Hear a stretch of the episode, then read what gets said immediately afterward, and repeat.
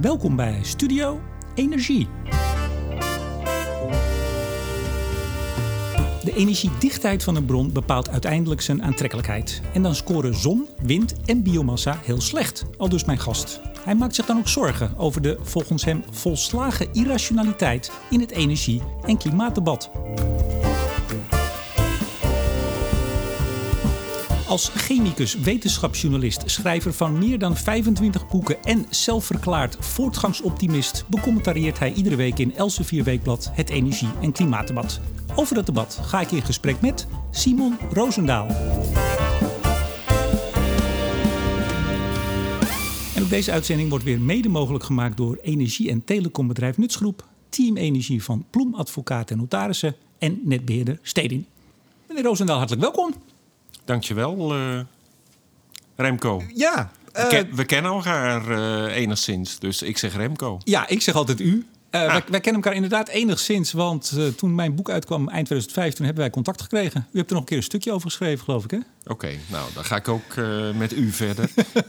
ik was zeer onder de indruk van uw schaliegasboek, meneer de Boer. Nou, kijk Vond eens heel aan. goed. Nou, dit is een heel ander begin dan normaal, want ik wou u iets anders vragen. Twee jaar geleden nam u afscheid van Elsvier. U had -huh. ook een afscheidssymposium. Uh, maar heel kort daarna was u alweer terug als columnist. En sterker nog, ik keek vanochtend nog op de website van Elsevier. Daar staat gewoon wetenschapsredacteur van Elsevier Weekblad. Dat Hoe is, een dat? dat is een foutje. Ja, toch? Uh, wat mij betreft had ik sowieso helemaal niet met pensioen uh, hoeven te gaan, hoor.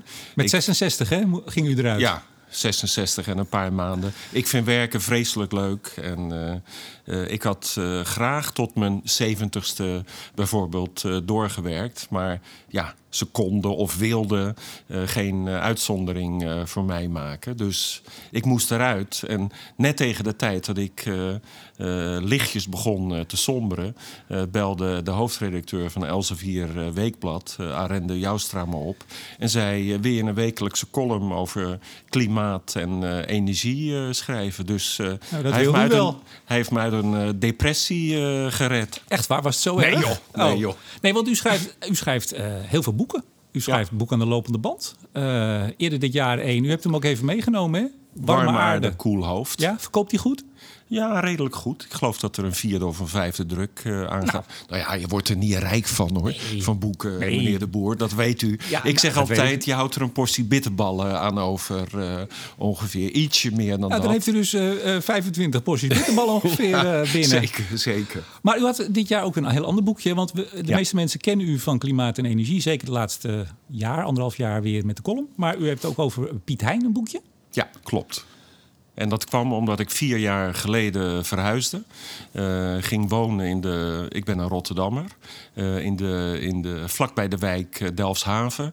En me opeens afvroeg: hoe is het in hemelsnaam mogelijk dat de zeehaven van Delft ergens in Rotterdam terecht is gekomen. Ik heb in Delft gestudeerd, net als u. En ik weet dus hoe ver Delft van Delfshaven is. En begon me daarover te verbazen, wilde dat uitzoeken... en heb dat gedaan aan de hand van Piet Hein, de bekendste Delfshavenaar. En kwam ja, al dus automatisch klaarblijkelijk zoek ik de controverse op, of de, zoek de controverse mij op. kwam midden in dat beladen debat over uh, moeten we ons schamen voor uh, ons verleden, voor het kolonialisme, voor de slavernij. Uh, Ja, en- dus daar gaat het ook over. En wat controverse betreft, u was afgelopen zaterdag bij eh, de Algemene Ledenvergadering Forum voor Democratie. Ja, En u prijkte meteen als opener van een artikel in de Volkskrant. ja. Was weer niet goed, geloof ik. U was, wat was u ook alweer? De, de ziel van Forum voor Democratie de is in u ziel te van vinden. eh, Forum eh, voor Democratie. Omdat ja, ik was gevraagd eh, om daar een interview te ondergaan over die twee boeken, over klimaatbeleid en over Piet Hein. En als mensen mij vragen. Dan kom ik. Dan kom ik in principe. Want u was ook bij D66 Ik was bij maandje eerder. D66, ik ben bij de VVD geweest. Ik praat, ik zal geen namen noemen. Veel politici bellen me af en toe op. Waar is het gezelligst trouwens? Even. Eh, dat, nou, dat maakt er niet zoveel uit. Eh, ik heb nog nooit, eh, wat dat betreft ben ik eh, een fan van Groucho Marx. Ik heb nog nooit een club ontmoet eh, waar ik zelf Ja. lid eh, van Sterker nog, u zou geen zijn. lid worden van een club die u als lid zou accepteren. Ja. Maar, maar, maar, maar even, want u, u zei net e- al even toen ik u onderbrak... eh, veel politici bellen mij. Dan hebben we het over eh, bestuurders of Kamerleden. Hoeft geen namen Ook, ook Kamerleden. Ja. Ja. En die zeggen, Wij- Simon, vertel mij eens hoe het zit. Ja, eh, heb je hier wat eh, ideeën over van verschillende partijen hoor. Maar de, maar de, ja, sorry, maar de Volkskrant zei dus inderdaad van... u, u keert zich tegen het bizar dure klimaatbeleid, citaat... eh, Ja. en tegen de aanval op de reputatie van de Hollandse zeehelden. Ja, Dus zo zat u met uw boekje toch alweer midden in de, inderdaad, de controverse. ja zeker. Ja. Dus, eh, en dat ja, heb ik eh, natuurlijk ook met klimaatdebat. eh, 1977, uw eerste artikel volgens Ja. u zelf. Ik heb het niet nagezocht, zeg ik er meteen bij. Ik, ik ga er maar vanuit. U bent in 76 begonnen bij NRC. 77. Zo met, meteen Ja. aan de bak. Eh, eerst over klimaatverandering. En eh, u was, ik dacht in april of eerder, eerder dit jaar... eh, nee, mei geloof ik, bij Buitenhof met Diederik Samson. Ja, En toen had u het over sindsdien, sinds die tijd, jaren 70... strompelen we van de ene misrekening naar de andere blunder. ja. Dat is niet vrolijkmakend, hè? Ja, u lacht erbij. Nou ja, het, het, het klimaatbeleid schiet natuurlijk niet eh, heel erg op. Eh, als ik nog even eh, terugga naar dat eerste artikel... wat ik destijds in NRC Handelsblad schreef over het klimaatprobleem. Dat was oktober 1977, als ik me niet vergis. De kop daarboven was... ehm, door de terugkeer van steenkool... eh, kan er een broeikas om de aarde ontstaan. Eh, eigenlijk zou die kop nog steeds kunnen. En eh, er stonden drie analyses in dat stuk, mind you, 1977, die nog steeds overeind staan. Als het CO2-gehalte verdubbelt, dan kan de temperatuur met 1 à 2 graden stijgen. Denken we nog steeds. De problemen doen zich vooral voor. Nou, iets meer wel, hè? Inmiddels dan 1 à 2. Ja. Maar goed, ja, nou ja, daar komen we Ja, zo nog wel op. Komen we op. Komen we op. Ehm, de problemen doen zich vooral voor eh, aan de polen, eh, Noord- en, eh, en Zuidpool. En het grote probleem is steenkool. En het artikel eindigde, eh, ik las het nog even na eh, hiervoor.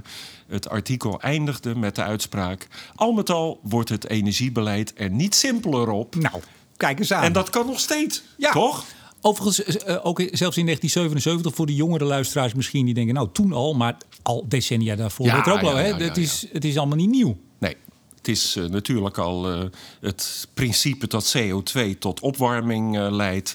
Dat weten we al sinds halverwege de 19e eeuw. En in de loop, laten we zeggen, zo ergens rond 1950 kwam het veel sterker naar voren toen we CO2 eh, gingen meten. Dus het is al heel lang bekend. En we proberen natuurlijk ook al heel lang eh, CO2 eh, omlaag te krijgen. Je kunt in elk geval zeggen, vanaf de eerste Earth Summit eh, in Rio de Janeiro 1992. Maar eigenlijk proberen eh, we het al sinds, ja, eh, laten we zeggen 1980 zo'n beetje. Ja. En dat lukt niet. Ja. Ook daar gaan we het over hebben, uiteraard. Ik noemde al even dat gesprek wat u bij Buitenhof had. Mhm. En u zei daar zelf, en er waren ook heel veel mensen die waren een beetje verbaasd dat u dat eigenlijk, of, of positief verbaasd. Bijvoorbeeld Henry Bontebal, uw grote vriend. Uh, noemt u hè, geloof ik, van de, de klimaatpolitie, toch? Ja, zeker. Ik heb nog even gezegd toen ik hier naartoe kwam dat ik met u een podcast ging doen. Hij deed u de groeten. Ja. Uh, u zit elkaar wel eens een beetje in de haren. Maar ook hij viel het op en u zei het letterlijk. Ik ben opgeschoven in het hele klimaatdebat. U werd, uh, ik zeg het even wat zwart-wit, als hardcore klimaatskepticus vaak neergezet. Ja. U bent opgeschoven van waar naar waar?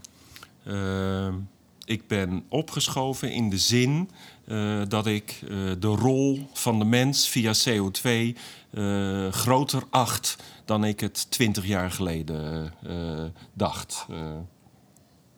U neemt even een slokje. Ik heb altijd ge geweten, natuurlijk, dat blijkt ook uit dat stuk in 1977, dat CO2 invloed heeft op de temperatuur. Dat kan ook niet anders. Dat is een, een ja, basale natuurkunde.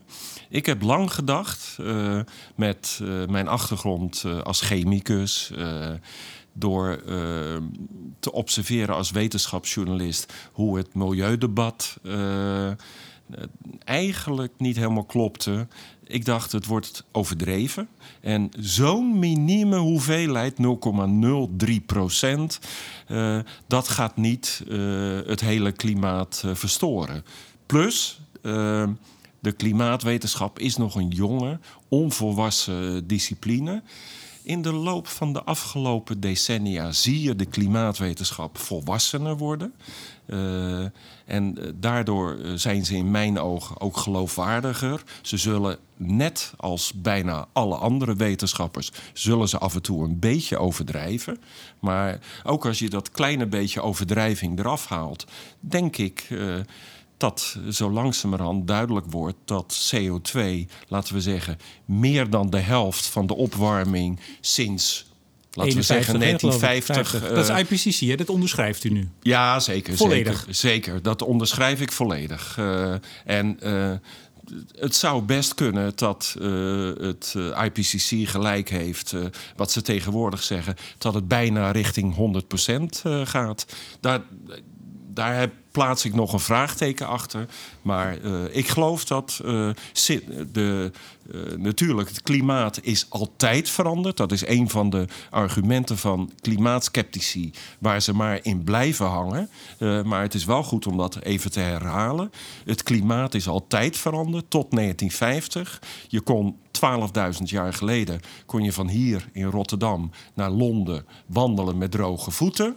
Um, maar sinds 1950 is er wat anders aan de, aan de hand. En uh, uh, ja, de, de, rol van CO2 is groter uh, dan ik twintig jaar geleden dacht. Daar schaam ik me niet voor. Dat heet voortschrijdend inzicht. Als, ja, als de situatie verandert, moet je met je mening meegaan. Nou is de, de, de lading van het woord klimaat of uh, is ook een beetje veranderd. Eerst was het inderdaad veranderd, die uh, temperatuur ja. wel.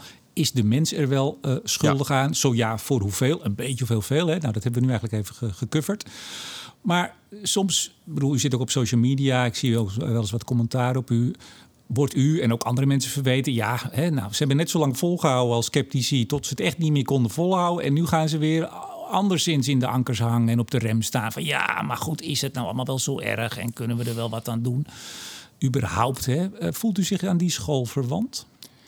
Nee, nee. Uh, ik voel me, ik probeer een genuanceerde tussenpositie uh, Maar als je columns leest, toch even, dan, dan gaat het best wel vaak over. Ach, het valt allemaal wel. Bijvoorbeeld ook uh, PFAS, hè, wat, wat zei u van de week ook, of twee, drie weken geleden. Maar ja, waar, eigenlijk een beetje waar hebben we het over?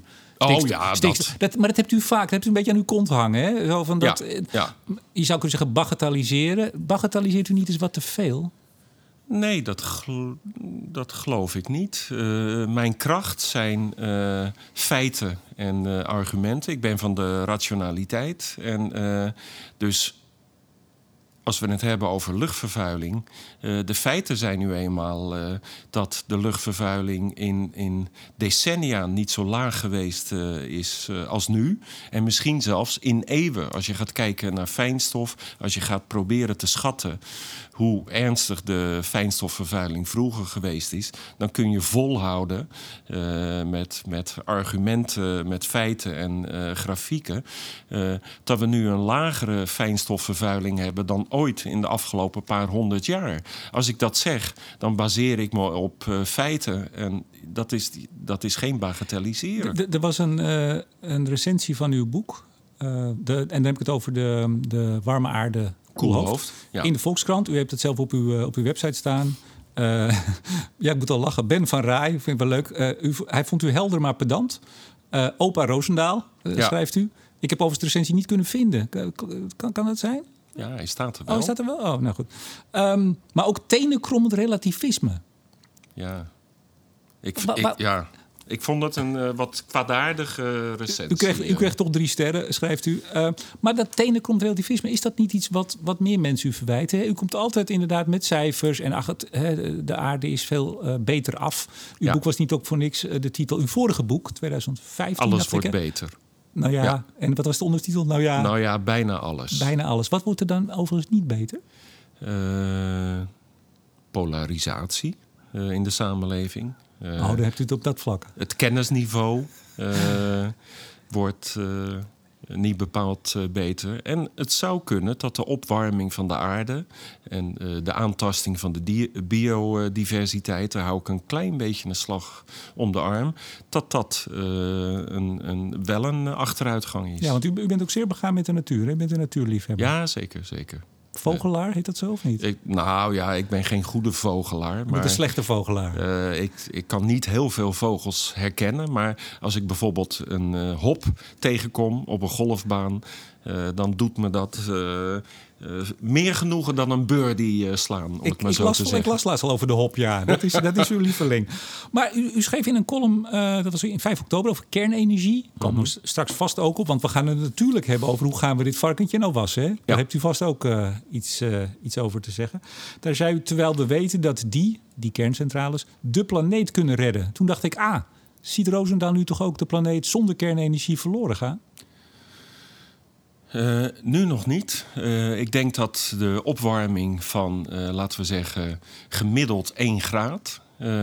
dat dat nog niet zo'n groot probleem is. Nee, maar die hebben we al te pakken, hè? Die hebben we al te pakken. En we zijn nog lang niet op de, de weg terug. Nee, nee. dat zie ik ook niet snel lukken.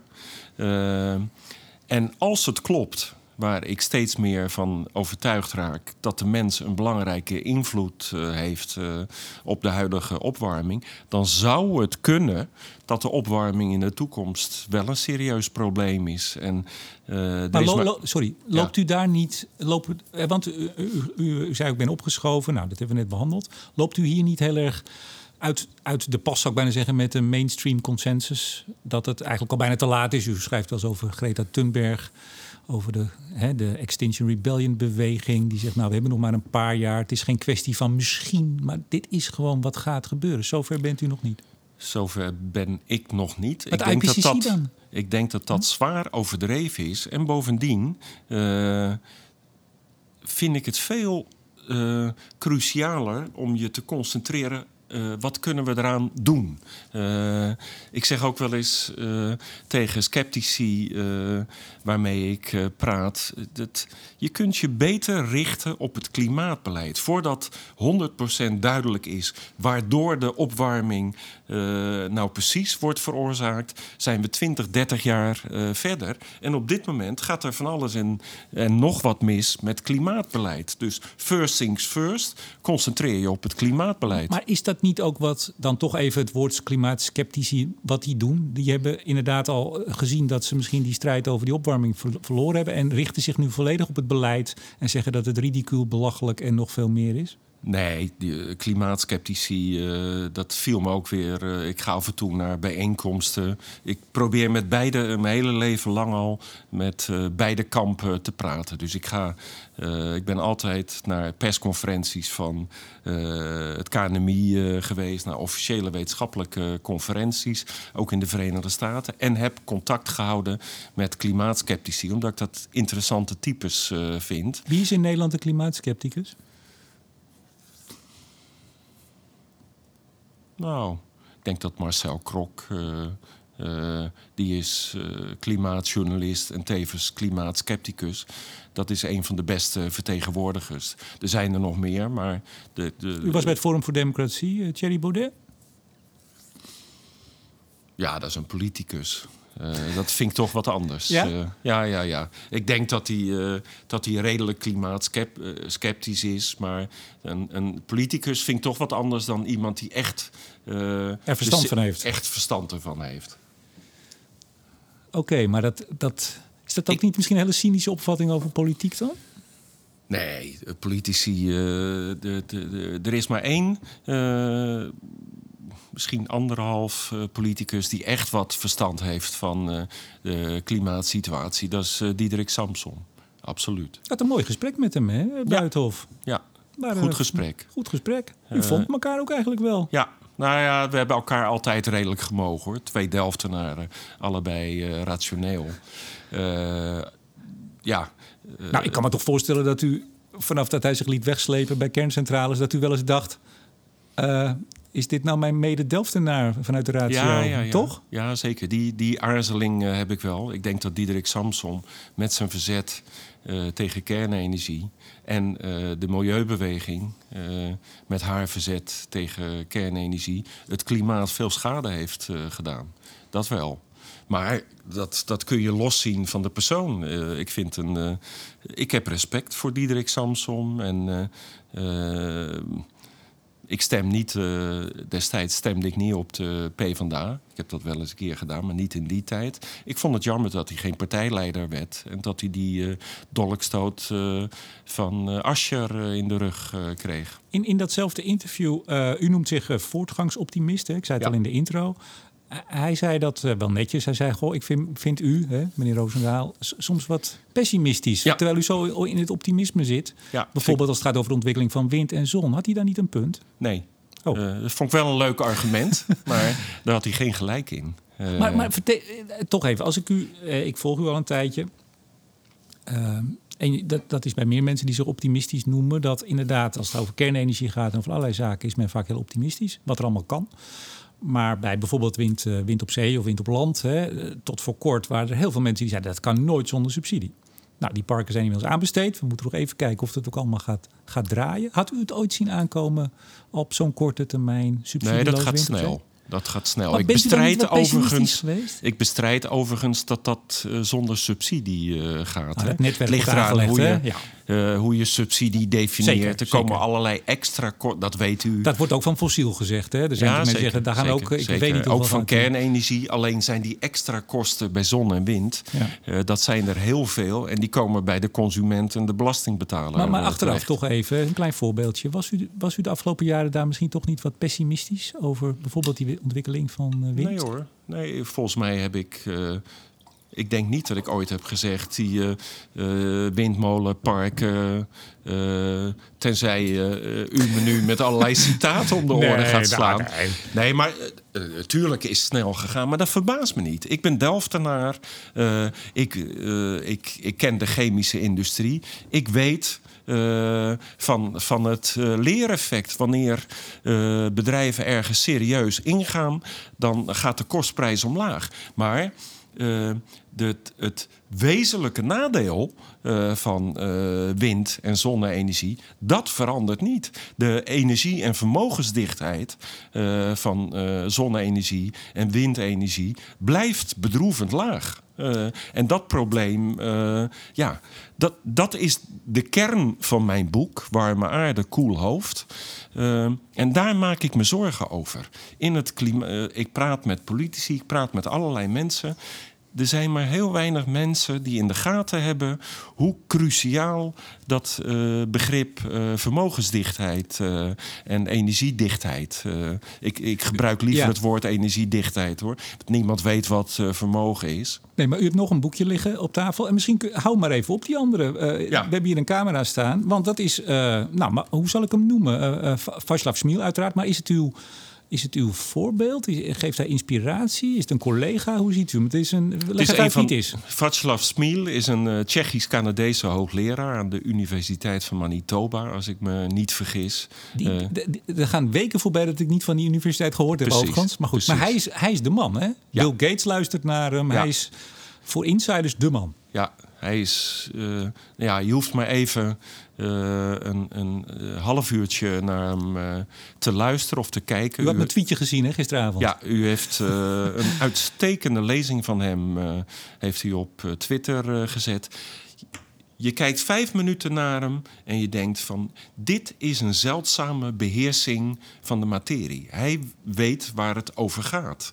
Eh, het grote nadeel is dat hij het niet helder eh, kan opschrijven. En zijn accent helpt ook niet, moet ik Zijn zeggen. accent helpt niet, maar ik heb dat boek Power Density eh, heb ik grondig bestudeerd.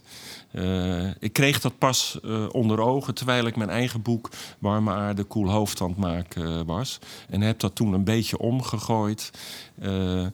En heb me sterk door hem laten inspireren. Want ik denk dat je ehm, de, de energietransitie niet goed kunt voeren en niet kunt begrijpen en niet kunt bediscussiëren zonder weten hebben van energiedichtheid. U hebt nu een aantal luisteraars die dit horen. Waaronder misschien mensen die inderdaad er nog nooit van gehoord hebben. Hoe legt u dat simpel uit? Energiedichtheid. Allereerst, je hebt uh, drie maten waarop je, uh, drie schalen waarop je energiebronnen kunt uh, beoordelen. De eerste is hoeveel CO2 stoten ze uit. De tweede is hoe, hoe duur of goedkoop zijn ze. Dat zijn beide belangrijke schalen. En Die zijn bekend. Hm? En worden ze? Worden ze. Zeker, absoluut. Goede toevoeging. Maar de derde is hoe aantrekkelijk zijn energiebronnen. En de aantrekkelijkheid van een energiebron, uh, dat is een soort natuurwet. Uh, die wordt bepaald door de vermogensdichtheid. Maar is aantrekkelijkheid niet een soort oordeel? Is het niet meer effectiviteit of verbrandingswaarde? Mag, mag of ook, ja? mag ook. Uh, maar in wezen is het... Nee, ik gebruik toch graag, dat ga ik uitleggen... Uh, het, het woord aantrekkelijkheid. En als je naar vermogensdichtheid, nogmaals, liever gebruik ik het woord energiedichtheid, alhoewel het net iets anders is. Als je daarnaar gaat kijken, dan is er één absolute koploper, dat is kernenergie. Dan is er een groot peloton van fossiele brandstoffen. En daar ver, ver achter heb je de bezemwagen met daarin zon, wind en biomassa. In die volgorde. Dat, dat... Even voor de goede orde, dat was ver achter, hè? Nog even dat u... Ja. ver, ver achter het peloton. Een, een, een, uh... We hebben er eigenlijk niks aan. Gaat nergens nee, over. Nee, nee, nee, nee, nee. Je kunt, je kunt zon en wind en biomassa kun je wel degelijk gebruiken om uh, CO2 terug te dringen. Maar dat gaat langzaam en uh, dat heeft heel veel uh, milieunadelen. Zelfs zoveel dat ik me afvraag of je zon, wind en biomassa wel groen en duurzaam uh, mag St Sterker nog, u zegt uh, binnen 10, 15 jaar ja. gaat de milieubeweging dat ook zien. En gaan ze net ja. als met biomassa, waar ze eerst fan van waren, zegt u, ja. gaan ze net zo zon dat en wind... Dat voorspel ik. Ja. Ik ben vaak, bedoel, je kunt een hoop op me aanmerken, maar ik heb dingen soms iets eerder dan andere mensen in de gaten. Klinkt heel arrogant. En daarom uh, zegt uh, die recensent dat in de Volkskrant ook. Bent u ook een beetje arrogant misschien? Dat kan. Nee hoor, nee. nee. Ik weet dat ik uh, slimmer ben dan heel veel andere mensen. Maar dat er vreselijk veel mensen zijn die slimmer zijn dan ik. Oké. Okay. Nee, want ik, ik, had u, ik heb uw blad er even bij. Het uh, was nog in augustus, hè? Dat hebt u niet geschreven. Maar hoe, hoe zonne-energie natuur vreet. Ja. Dat gaat er ook al meteen flink in. Ja, dat is beïnvloed. Dat, ik heb dat stuk niet geschreven, maar ik las uh, dat het uh, mede door mij, uh, door iemand die mijn boek gelezen had, geïnspireerd was. Is dit trouwens ook weer niet even tussen de haakjes hoor? Elsevier wordt ook altijd in de klimaatskeptische hoek gezet. Dat met dit soort artikelen, hoe, hè, hoe zonne-energie natuur vreet, ook het woordgebruik, dat dat toch ook niet weer een, ja, maar voortdurend in de nee-stand. Ik word, ik, word, ik word wel eens een beetje moe van al die artikelen, zeg ik eerlijk. ja. Ja. Nou, gelukkig zijn er heel veel mensen uh, die het met uh, genoegen lezen, meneer De Boer. Ja, de echte achterban. Hè? De, de, ja. Hoeveel zijn het er nu, abonnees? 40.000? Nou, niet zoveel meer nee, uh, als vroeger. Oh, 80.000 geloof ik. Hè? Helaas. Weet ik niet precies. Nee, goed, terzijde. Um, maar u zegt, nee, ja goed, uh, uh, kampioen uh, kernenergie. dat is ook wel van u bekend, hè? Dat, dat, daar bent u een groot voorstander van. Nou, dat, ook dat zou ik iets anders willen formuleren. Ja? ik ben het helemaal eens met wat Wiebes ooit gezegd heeft. Er bestaan geen aantrekkelijke energiebronnen. Dat is ook een Delftenaar, net als u en ik. dat klopt u, u zit maar in het Delftse hoekje, ja. dat klopt natuurlijk. Kernenergie is geen aantrekkelijke energiebron. Uh, absoluut niet. Maar ik heb u in een van die columns las ik wel, dat is ook in detail hoor. Dus daar schreef u wel uh, kernenergie uh, de aantrekkelijkste, maar soms zegt u ook de minst onaantrekkelijk. Hè? Dat het is, is de minst onaantrekkelijke energiebron, absoluut. Het is onaantrekkelijk omdat het afval, gemeen afval genereert. Het is gelukkig maar een klein beetje. Het is onaantrekkelijk omdat er straling bij vrijkomt. En het is onaantrekkelijk omdat wij uh, deels geïndoctrineerd door, door allerlei groeperingen denken dat het uh, levensgevaarlijk is. Dus ja, ik zie de samenleving, eh, het, het, begint nu een beetje te kantelen, maar ik zie de Nederlandse samenleving niet binnen 10, 15 jaar kernenergie uh, omhelzen. Maar even denken dat het levensgevaarlijk is. Ja. Uh, daarmee zegt u dat is het dus niet. Ja, het kan het wel zijn natuurlijk. Hè? Ja, maar in de praktijk is het het niet. Nou, dit is dan het moment waarop ik zeg: Goh, u kent toch nog wel van die ongelukken? Ja. Ja. Nee, maar eh, nu eh, bent u een spelletje aan het spelen, meneer de Boer. Want u weet ook dat er bij die ongelukken niet zoveel fout is gegaan. Dat hoef ik u niet uit te leggen. U hebt, het hebt u een keer in een column geschreven, en dan ben ik even kwijt wanneer. dat u, u, u hebt toen verslag gedaan, of u was toen in Amerika, toen Harrisburg. Ja. Ja. En toen hebt u ook, dat hebt u een soort ontboezeming gedaan, hebt u ook zelf meegeholpen aan een beetje de, de hysterie. Ja, ja, ik was uh, voor NRC Handelsblad in 1979 uh, uh, bij het ongeluk met de TMI-kerncentrale. TMI heeft nu een andere betekenis, too much information. Maar het stond voor Three Mile Island, een kerncentrale vlakbij Harrisburg. Waarvan we dachten dat die door de aarde aan het smelten was, richting China. Vlak daarvoor was de de China Syndrome, die film, uitgekomen. En ik heb daar grote stukken geschreven die eh, voor eh, NRC Handelsblad.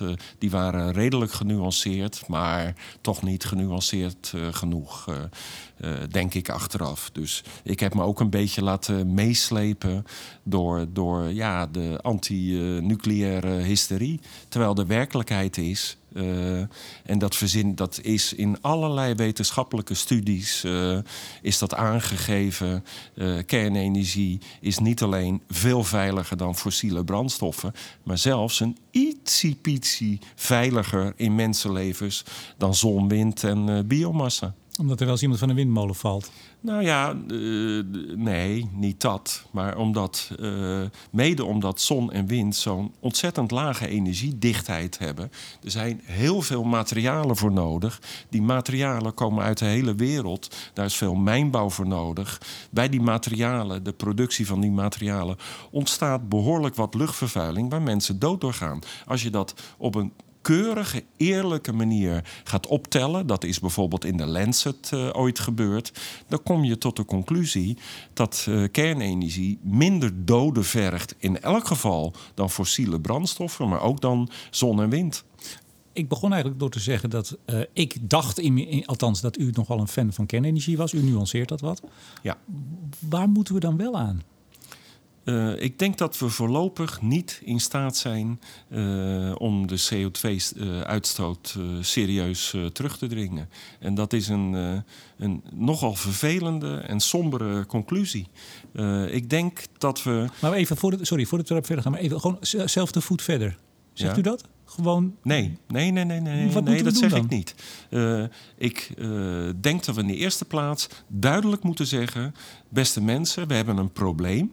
Uh, tegen het volk. Politici zouden die intellectuele eerlijkheid moeten opbrengen. Dat doen maar, ze toch wel? Dat zeggen ze toch? Ja, we hebben een, uh, dat eerste zeggen ze wel. Ja? We hebben een uh, klimaatprobleem. Maar ze zeggen niet eerlijk dat we er niet zoveel aan kunnen doen. Niet zoveel of niks?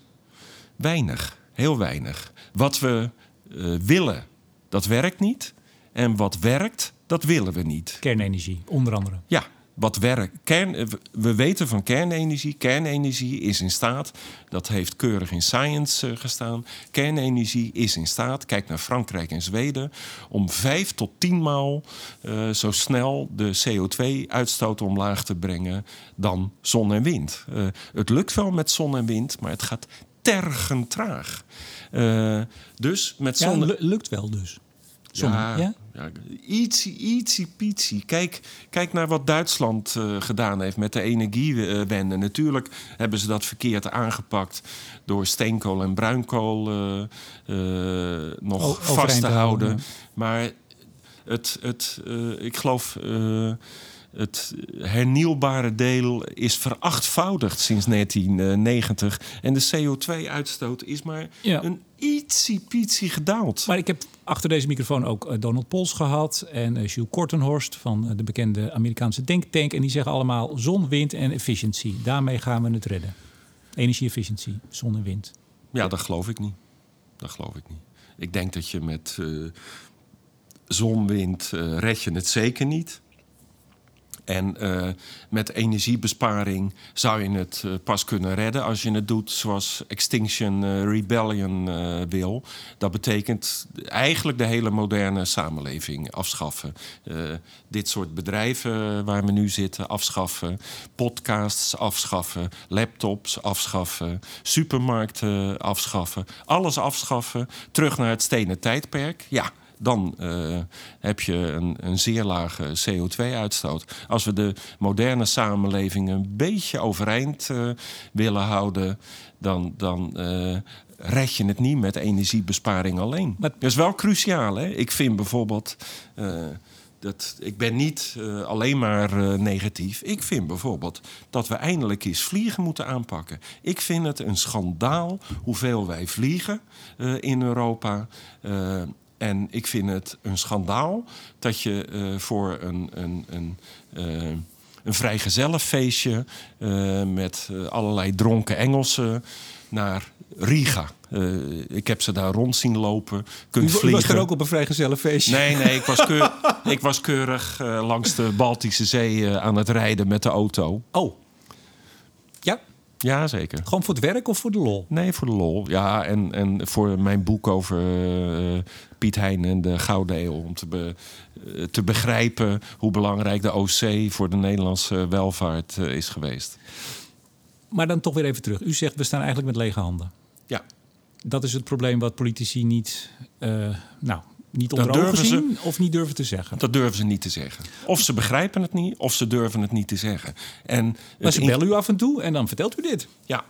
En wat zeggen ze dan? Nou ja, dat dringt. Laten we zeggen dat het uh, nog niet uh, genoeg uh, doordringt. En het is ook een buitengewoon moeilijke boodschap natuurlijk. Wanneer je zegt we hebben een probleem en tegelijkertijd zegt we kunnen er maar tamelijk weinig aan doen. Maar is het Ik denk een... dat je er ja? wel iets aan kunt doen. Want wat je moet doen is heel veel geld uh, geven aan universiteiten. Je moet uh, samenwerking tussen universiteiten en bedrijfsleven stimuleren. We hebben nieuwe oplossingen nodig. We hebben manieren nodig om, uh, ik noem maar wat, CO2 uit de lucht te halen en om te zetten in synthetische brandstoffen. Dat is er misschien pas over 20, 30 jaar. Maar meneer Roosdaal, sorry, ja. ik onderbreek u even. Want hier zal denk ik niemand tegen zijn innovatie. En dat is ook één, kom ik toch weer even met de klimaatskeptische, het klimaatskeptische hoekje, wat je in die hoek ook altijd hoort. We moeten gewoon meer investeren in innovatie. Ja. Makkelijk, zeg ik dan. Ben er wel, ik ben het ermee eens. Ik denk dat ja. iedereen het ermee eens is. Maar daar hebben we nu toch niet zo heel veel aan? Nee, alleen uh, kunnen we er dus nu niet zoveel aan doen. Dat, dat, dat moet u met me eens zijn, U bent een voortgangsoptimist. Ja. Nou, ik daarom... vind dit behoorlijk voortgangspessimistisch. Ja, ja, ja, ja. Uh, maar uh, soms moet je de waarheid uh, duidelijk, niet omvloerst uitspreken, wil er iets gebeuren. Maar de, de, het IAA, ik had meneer Birol onlangs in de podcast, die hebben een rapport gemaakt dit jaar over offshore wind. En die hebben daar het technisch potentieel, ik zeg het er nadrukkelijk bij, dat wil nog niet zeggen dat het allemaal is neer te zetten, maar daar kunnen we de hele wereldwijde elektriciteitsvraag mee dekken met offshore windturbines. Nou, wordt het, wordt het niet alles, wordt het de helft, wordt het een kwart, zijn we nog steeds een heel eind op streek. Kunnen we daar toch niet wat optimisme in vinden? Ja, maar het is zo'n onaantrekkelijke energiebron. Dat gaat zoveel ellende opleveren. Uh, dat betekent grote hoeveelheden uh, zee. Uh, tas je daarmee aan? Nou, tas je is... daarmee aan. Je zet die dingen daar neer. Ik heb ook wel eens de vissermannen hier in de podcast gehad. Ja, die zien dat inderdaad als aantasting. Maar ja, je moet wat, zeg ik dan maar even. Advocaat van de duivel. Ik kom niet zo vaak op zee, dus ja, het zal mijn zorg zijn. Zeg ik dan als bezorgde klimaatburger die er niet zoveel mee heeft... zet lekker die zee vol. Wat is er mis mee? Nee, uh, dat...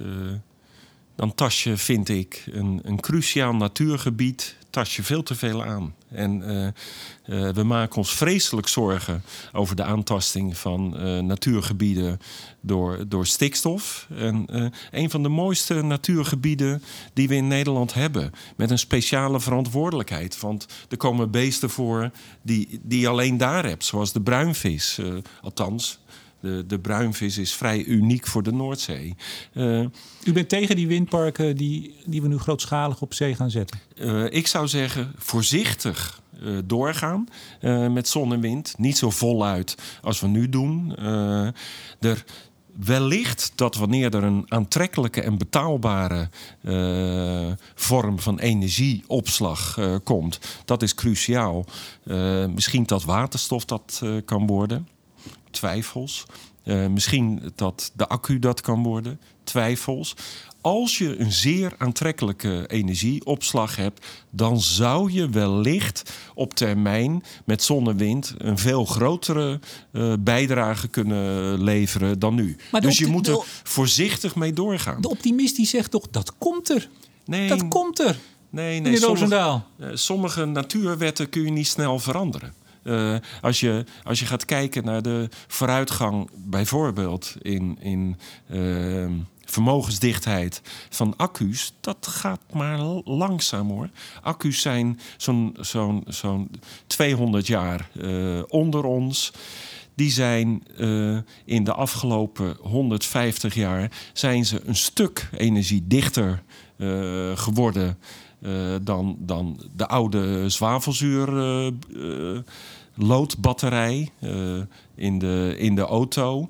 Maar het gaat zo langzaam uh, dat je niet heel snel uh, de sprong kunt maken naar bijvoorbeeld kerosine. Er zit in een kilo kerosine zit 60 maal zoveel energie als in een kilo lithium-ion batterij. Maar had u het elektrisch rijden waar we nu staan, met die mooie Tesla's en ook kleine autootjes, hè, de, nou, zullen we zeggen, aanstaande doorbraak? Misschien hebben we hem al gehad, de doorbraak. Had u die zien aankomen? Is dat nou echt een doorbraak? Ik weet het niet. Het, het gaat snel, uh, maar uh, voor mij staat nog lang niet vast dat dit uh, de auto het vervoermiddel van de toekomst is. Hij zal vast en zeker een rol gaan spelen, maar de deskundigen zijn het er nog niet helemaal eens of het nou de waterstofauto wordt, de elektrische auto. Dat, die, die, die gaat het CO2-probleem niet helemaal oplossen. Nee, maar dat is. Dat, ik, ik heb Alle kleine beetjes helpen. Ik, ik dat ben ik met u eens. Schmiel, ik heb uh, heel veel video's nog even van hem teruggekeken, ook op dit gesprek. Uh, Vaslav, hè? Vaslav. Ja. Vaslav. Schmiel. Ja. Uh, ja, die, die tien jaar geleden was hij bijna een soort rant aan het houden in een interview tegen CCS. Want als we alle uitstoot van olie weer in de grond moesten stoppen, ja, maar dat soort sommetjes van, hè, jij zijn ja. natuurlijk vaak telegrafisch er ook uniek in. Als we al onze energie met windmolens, dan puntje, puntje. Maar alle beetjes helpen, u zegt het al. Ja, zeker. Maar uh, juist vanwege die, die zeer geringe uh, energiedichtheid, ik blijf het benadrukken, uh, zijn het slechte energiebronnen, zon en wind. En wil je met slechte energiebronnen, uh, wil je daar het CO2-probleem mee aanpakken, dan gaat dat een hoop ellende genereren. Waanzinnig veel afval. na 15, 20 jaar. Gaan we recyclen, gaan we oplossen? Nou, tot nu toe gaat dat niet nee? zo bijster goed. Er zitten gemene spulletjes zitten erbij, giftige stoffen. beetje innovatie, het, beetje... Het tast het tast heel veel land aan. Uh, dat is belangrijk. Ja. Land, land is ook natuur, hè? Ik, ik hoef het bijna niet te vragen. En mensen die u volgen weten dat. We moeten niet van het gas af, geloof ik, hè? Volgens u. Nee, nog niet. Uh, gas. Oké, okay, wanneer wel? Uh, nou, misschien over een jaar of 50, 60. Uh, sowieso kijk ik anders tegen de energietransitie aan dan een heleboel andere mensen. Ik denk dat we al in onze handjes mogen knijpen wanneer we in 2100 fossielvrij zijn. Ik denk niet dat dat gaat lukken. Uh, ik denk dat het zo vreselijk moeilijk is om afscheid te nemen van fossiele brandstoffen, die ik niet verdedig. Hè? Uh, als je dit soort dingen zegt, dan denken mensen dat je betaald wordt door Shell uh, of wat dan ook. Nee, maar to toch, hè, u verdedigt het niet, maar u zegt een aantal dingen. U zegt, nou, kernenergie, dat is de kampioen als we het hebben over energiedichtheid. Hè? Ja. Heel, heel, heel ver, ver ver achter, ja. achter het peloton zit uh, zon, wind en biomassa in die volgorde. Ja. En in het midden hebben we dan het peloton, dat is fossiel. U zegt tegelijk, ja, we kunnen eigenlijk niet zo heel veel doen. We staan een beetje met lege handen. Ja. Maar dat betekent toch impliciet, of misschien wel expliciet, dat u zegt, nou ja, dan gaan we gewoon voort op de voet waarop we gaan. En dus gebruiken we heel veel fossiele energie. En dan, u zegt ik onderschrijf het IPCC. Ja, dan gaan we richting de 4, 5 graden. Nou, ik denk niet dat het zo. Uh... Nou, laat het drie of vier zijn. We weten sinds vorig jaar met het uh, SR-rapport. Tussen de anderhalf en twee zit al een enorm verschil qua impact. Tot nu toe lijkt de opwarming aan de onderkant van de waaier te zitten. Waar, denkt u, waar zitten we in 2100? Nou, dat zou dat, daar durf ik geen uitspraak over te doen. Daar, zit, daar zijn zoveel onzekerheden over. Daar nee, doe ik geen uitspraak over. U onderschrijft IPCC. Nogmaals, ik ga het niet herhalen. U zegt, ja, we hebben eigenlijk niet zoveel. Ja, dat betekent dat we dus gewoon voortgaan... met, met een paar kleine bijsturingjes links en rechts... die weinig zoden aan de dijk zetten. Ja, dan gaan we dus door nou, met opwarming. Laten we gezellig en optimistisch in de toekomst gaan kijken, Graag. meneer de Boer.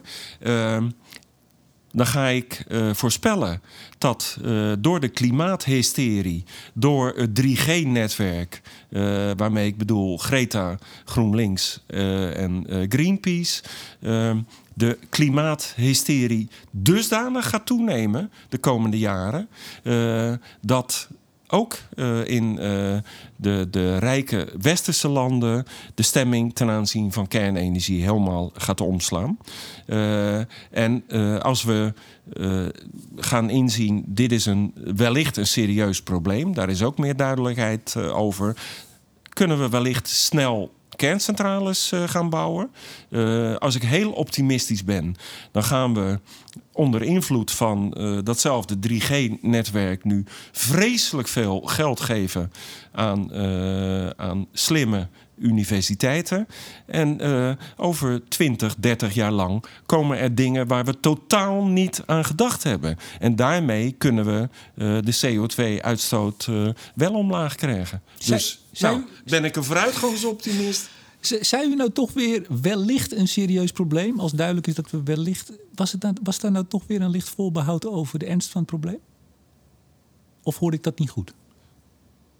Nou, licht voorbehoud, dat, dat, dat hoort u goed. Uh, op dit moment is het probleem uh, nog niet zo groot, uh, denk ik. Nee, is een beetje uit de vliegtuig springen zonder parachute... en dat je een hele tijd kan roepen, nou, dat valt eigenlijk best wel mee nog. Nee hoor. En uh, we weten over een aantal. Je, je weet nooit. Hond, ik heb uh, lang genoeg de wetenschap uh, verslagen om te weten dat meningen kunnen, opvattingen, zelfs feiten en argumenten kunnen veranderen. Dus uh, ik sluit niet uit dat dat ook op dit uh, vlak gebeurt. Maar daar wil ik uh, helemaal niet al te veel op ingaan. Dan word ik ook in een hoek gezet waar ik helemaal niet wil zitten. ik acht het voor mogelijk dat het in de toekomst een serieus probleem wordt. Dan nog kun je zeggen ja, wellicht is uh, een en ander toch uh, robuuster, de natuur, dan we in het verleden gedacht hebben. Die ijsbeer is een mooi voorbeeld daarvan. de hoeveelheid zeeijs op de Noordpool is gehalveerd. En die ijsbeer doet het redelijk goed. die, dat is een slim beest. die heeft baat bij dun zeeijs. Die heeft al een paar honderdduizend jaar overleefd. Misschien zijn we iets te somber in een aantal opzichten. geloof ik, hè, vorige week. Ja. Kreeg ook heel veel kritiek op, zag ik op uh, social media. Want die dame die u aanhaalt, die Susan, hoe heet ze ook alweer? Crockford. Ja, dat, dat zou inderdaad niet... Uh, een soort charlatan wordt hij dan weer afgeschilderd. Nee hoor, nee, dat is geen charlatan. Oh, ik heb nou, me ik, ben er niet verdiept. Uh, oh, u wel. Ja, Goed. ik wel. We, Bijna, we, we gaan ik pak het serieus aan, ja, meneer de Boer. Zeker, ik Bijna maar alles ja, waar ik over schrijf, daar verdiep ik me in. Zeker, ik heb me ook in u verdiept. Um, we gaan een beetje naar een afronding. Um, we staan met, uh, met lege handen. Um, wat, moet, wat, moet het, wat moet de overheid doen? Ik, ik hoorde u nog bij Sven Kokkelman uh, een tijdje terug. Uh, klimaatbeleid is nu ja, verkeerd. Het kabinet, wat het kabinet doet, al jaren eigenlijk. Mhm. Wat moet het kabinet doen? Adviseur Roosendaal vertelt. Um, punt maken van kernenergie. Daar lopen we nu met een grote boog omheen. Zelfs overwegen om het middels subsidie aantrekkelijker te maken voor marktpartijen. Zoals de overheid ook zon en wind middels subsidie aantrekkelijk heeft okay. gemaakt. Kernenergie? Vliegen ontmoedigen, dat heb ik wel horen Vliegen ontmoedigen. Zware tax erop? Ja, ja, ja. Uh, een uh, prijs moet uh, voor, voor kleine vluchten binnen Europa moet, moet verdrievoudigen, verviervoudigen. Je, voor 20 euro naar Barcelona is absurd. een goed geld stoppen in een goed treinnetwerk. Nu kunnen we alleen maar snel met de trein naar. Uh, Brussel, Parijs en Londen. Dat moet ook naar uh, andere steden. Uh, dat moeten we doen. Zon en wind verder uitrollen? ietsje voorzichtiger met zon en wind. En toch een deel van het geld dat je daarin stopt, geef dat aan de universiteiten. En roep heel hard: help, help, we komen er niet uit. Uh, universiteiten moeten gestimuleerd worden om met nieuwe oplossingen te komen. Het geld wat nu in verband met klimaat naar universiteiten gaat, dat is om, om nog betere zonnecellen. Dat mag ook, maar ze moeten gestimuleerd worden om, om richtingen te vinden die we nu helemaal nog niet in de gaten hebben. Fundamenteel onderzoek. Ja, fundamenteel en, en, en toegepast onderzoek, allebei wij hebben, of u hebt nu even dat geschetst. Uh, waarom luisteren ze niet naar u? Blijkbaar. Ja, dat weet ik niet. de, begrijpt u dat, uh, meneer de Boer? Nou, nee, maar dat, dat is natuurlijk. En we hebben nu zo'n 50 minuten erop zitten, zie ik. En we zouden hier nog 50 minuten over kunnen praten. Want He, u, we begonnen eigenlijk, u zegt het is heel irrationeel. Dat, uh, Misschien dat ben ik mijn tijd uh, vooruit. Uh, dat ze over dat allerlei dingen waar, waarvan nu wordt gezegd dat is onzin, dat dat over 10, 15 jaar wel kan. Dat het toch allemaal iets trager gaat dan wij denken. Bericht u dan nog steeds iedere week vanuit Elsevier over dit debat? Laten we het hopen. Ik ben een vooruitgangsoptimist. Is de, de, eh, de donderdag weer de nieuwe? Uh, wanneer is de deadline? Uh, ik aanstaande donderdag voor het kerstnummer moet ik inleveren. Oké, okay. al, het onderwerp bekend? Nee, nog niet. Uh, de, de, de, de Elsevier die nu verschijnt, uh, die heb ik natuurlijk vorige week al ingeleverd. Daarin uh, schrijf ik dat de, de, Nederlandse klimaatdoelen in 2030 zo goed als zeker niet gaan lukken. En de doelen in 2050, en dat toon ik aan met een aantal voorbeelden, absoluut nooit niet gaan lukken. En dan was u net zo optimistisch. Oké, okay, ga, ga ik uh, een correctie nieuwe, op mijn eigen stuk schrijven. Nieuwe column. Volgende week, ja. Simon Roosendaal, wetenschapsjournalist, schrijver en vooruitgangsoptimist. Hartelijk dank voor dit gesprek. Graag gedaan. Ik bedank ook deze week weer energie- en telecombedrijf Nutsgroep, Team Energie van Ploem Advocaten en Notarissen en netbeheerder Stedin voor het mede mogelijk maken van deze uitzending. En uiteraard bedank ik jou, beste luisteraar, voor het luisteren. Mijn naam is Remco de Boer. Graag tot volgende week.